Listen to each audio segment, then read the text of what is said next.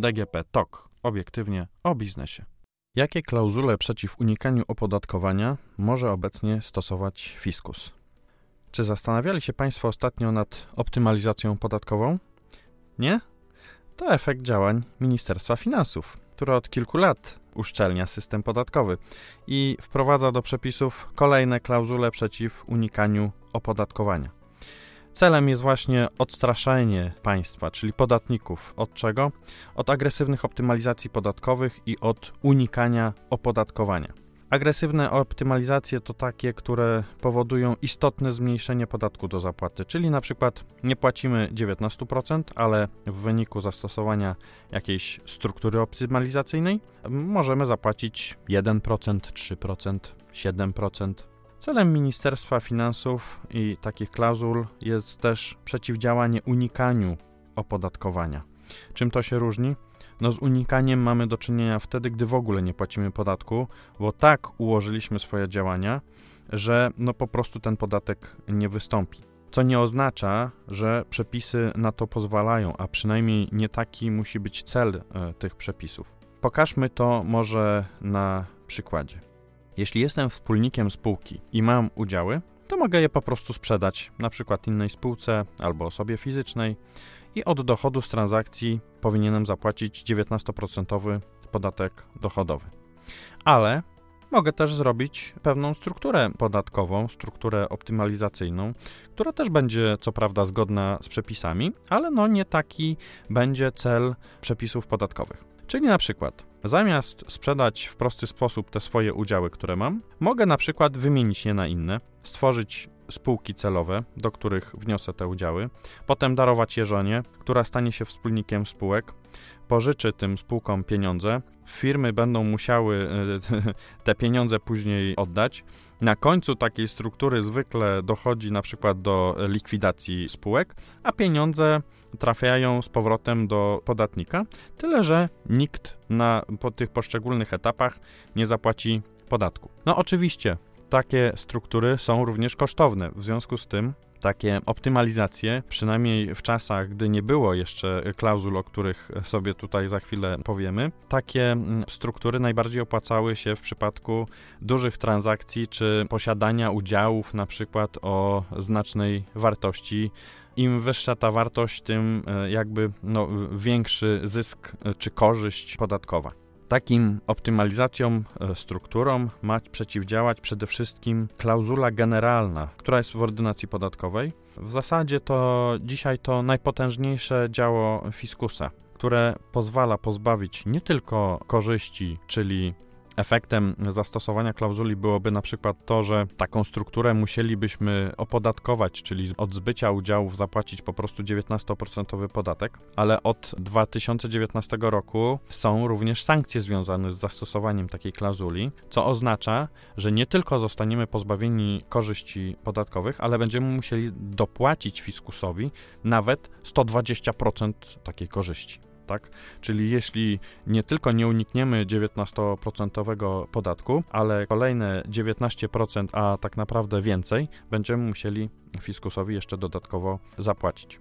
Obecnie w przepisach mamy aż 8 klauzul przeciw unikaniu opodatkowania, włącznie z tą generalną bo ta generalna może być e, zastosowana w zasadzie do każdego rodzaju transakcji, tam gdzie występuje korzyść podatkowa, jest jakaś sztuczna struktura, którą sobie utworzył podatnik, ale mamy też w przepisach, na przykład w ustawie o CIT, w ustawie o PIT, czy też w umowach o unikaniu podwójnego opodatkowania klauzule szczegółowe, które dodatkowo jakby wskazują, że jeśli podatniku podejmiesz pewne działania, ale celem tych działań będzie głównie osiągnięcie tej korzyści podatkowej, to my cię pozbawimy tej korzyści. Przejdźmy sobie do wymienienia chociaż tych klauzul e, szczegółowych. Potem na końcu jeszcze wrócimy do klauzuli generalnej, bo e, ona tam zawiera pewne elementy, na które warto zwrócić uwagę. Taką klauzulą szczegółową jest na przykład klauzula dotycząca wniesienia aportów. Na jej podstawie trzeba będzie opodatkować wnoszenie przedsiębiorstwa lub jego zorganizowanej części do spółki jeżeli nie będzie to miało uzasadnienia biznesowego. Czyli, tak jak wspomniałem, chodzi tutaj, gdy wnosimy aport nie po to, żeby na przykład dokonać jakiegoś łączenia spółek, tylko po to, żeby osiągnąć jakąś korzyść podatkową. Wtedy taka klauzula może mieć zastosowanie. Inna klauzula dotyczy wymiany udziałów. Zasadniczo na jej podstawie podatek może być odroczony do momentu zbycia udziałów, ale tylko gdy transakcja została przeprowadzona z uzasadnionych przyczyn ekonomicznych.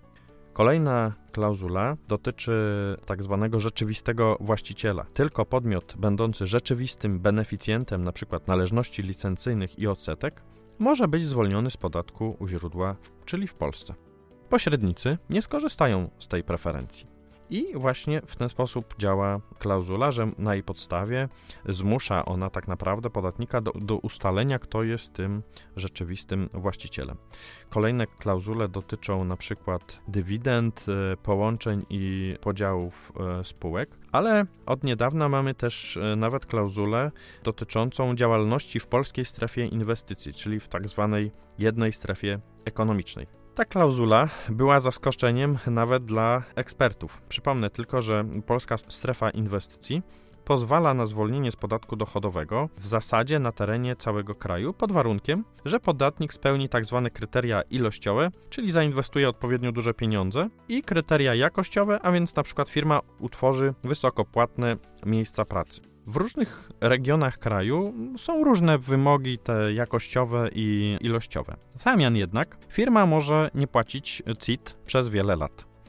E, no i tu wchodzi niestety znowu klauzula szczegółowa w CIT. Zgodnie z nią podatnik w określonych sytuacjach, np. gdy określone czynności nie mają rzeczywistego charakteru, straci prawo do zwolnienia z podatku dochodowego w jednej strefie ekonomicznej. Jeśli chodzi o klauzule w umowach o unikaniu podwójnego opodatkowania, to tutaj bardzo istotną kwestią są optymalizacje tak zwane międzynarodowe. I tego rodzaju klauzula ma przeciwdziałać wykorzystywaniu umów o unikaniu podwójnego opodatkowania do tak naprawdę unikania w ogóle opodatkowania.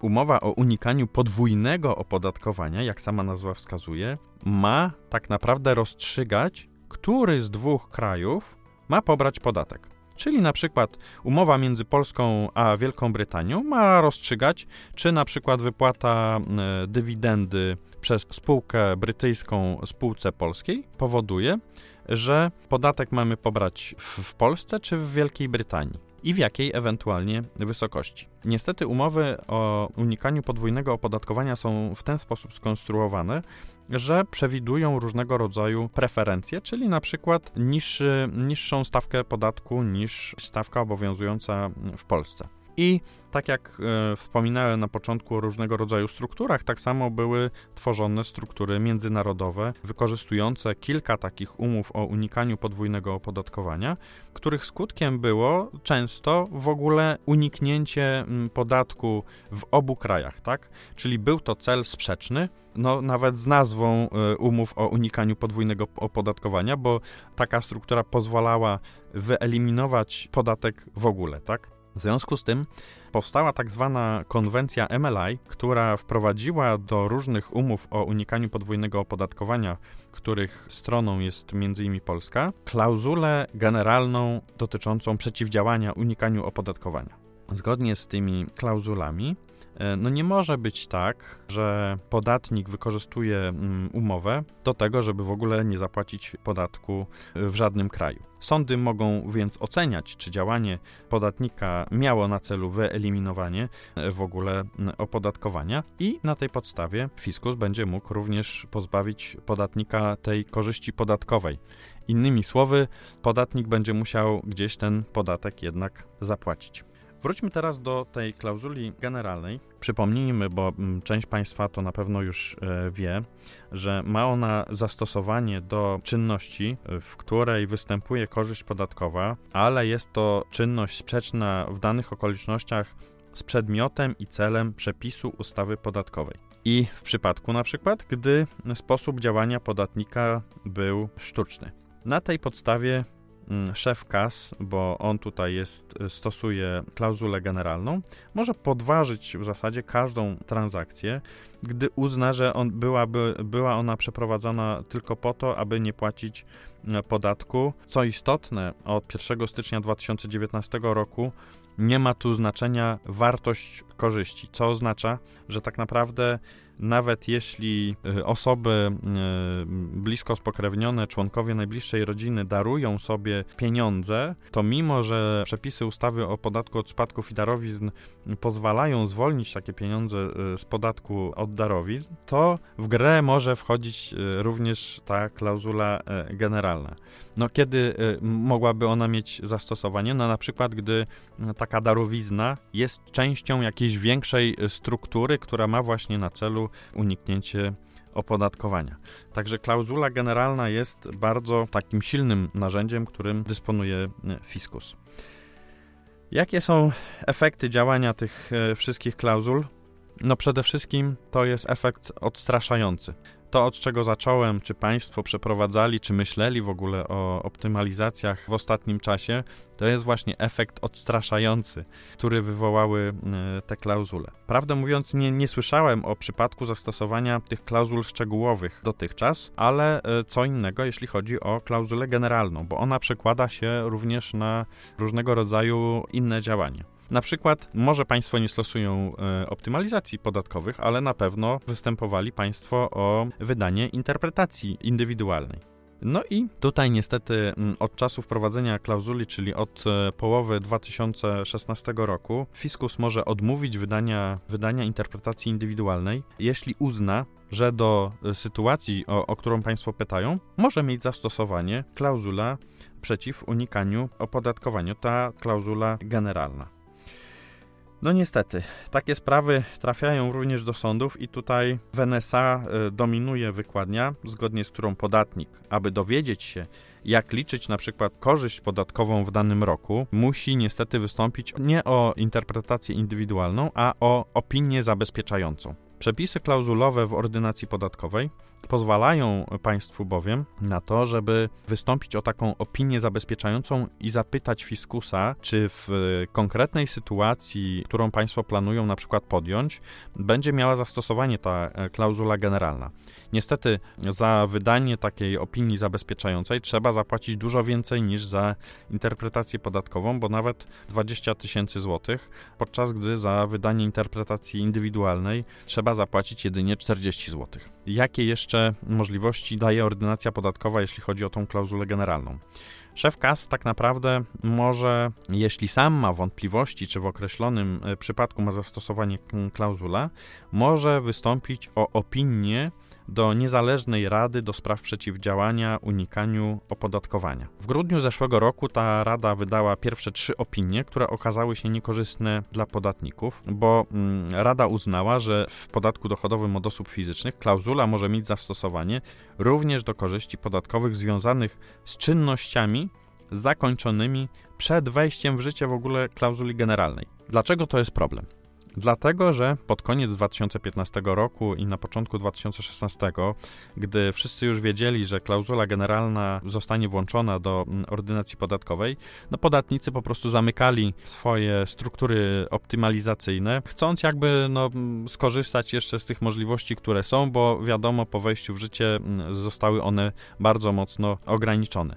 W związku z tym, no, opinia ta grudniowa Rady do Spraw Przeciwdziałania Unikaniu Opodatkowania spotkała się z dużą też krytyką ekspertów, bo tak naprawdę ona oznacza, że klauzula e, w 2016 roku miała zastosowanie również do działań, które podejm podejmowali mm, podatnicy przed jej wejściem w życie, ale korzyść, którą podatnik osiągnął, no rozciąga się na cały 2016 rok. Tak jest niestety e, w picie. Czy ta opinia się utrzyma, czy mm, szef KAS e, tutaj zgodzi się z, z Radą? No trudno się, mm, trudno się spodziewać, żeby się e, nie zgodził, skoro jest to stanowisko dla niego korzystne. No ale pewnie tego typu sprawy również będą trafiały do sądów. Jak Państwo widzą, te poszczególne klauzule mają przede wszystkim odstraszać i odstraszają od y, optymalizacji. Myślę, że klauzula generalna będzie stosowana coraz częściej, a pewnie sądy tak naprawdę ostatecznie e, określą, kiedy może być stosowana, jaki jest e, jej zakres stosowania. No niestety w dzisiejszych czasach, gdy te wszystkie klauzule w przepisach są, a niestety planowane są również kolejne, nie pozostaje nic innego, jak płacić podatki zgodnie z przepisami i, no mówiąc kolokwialnie, nie kombinować.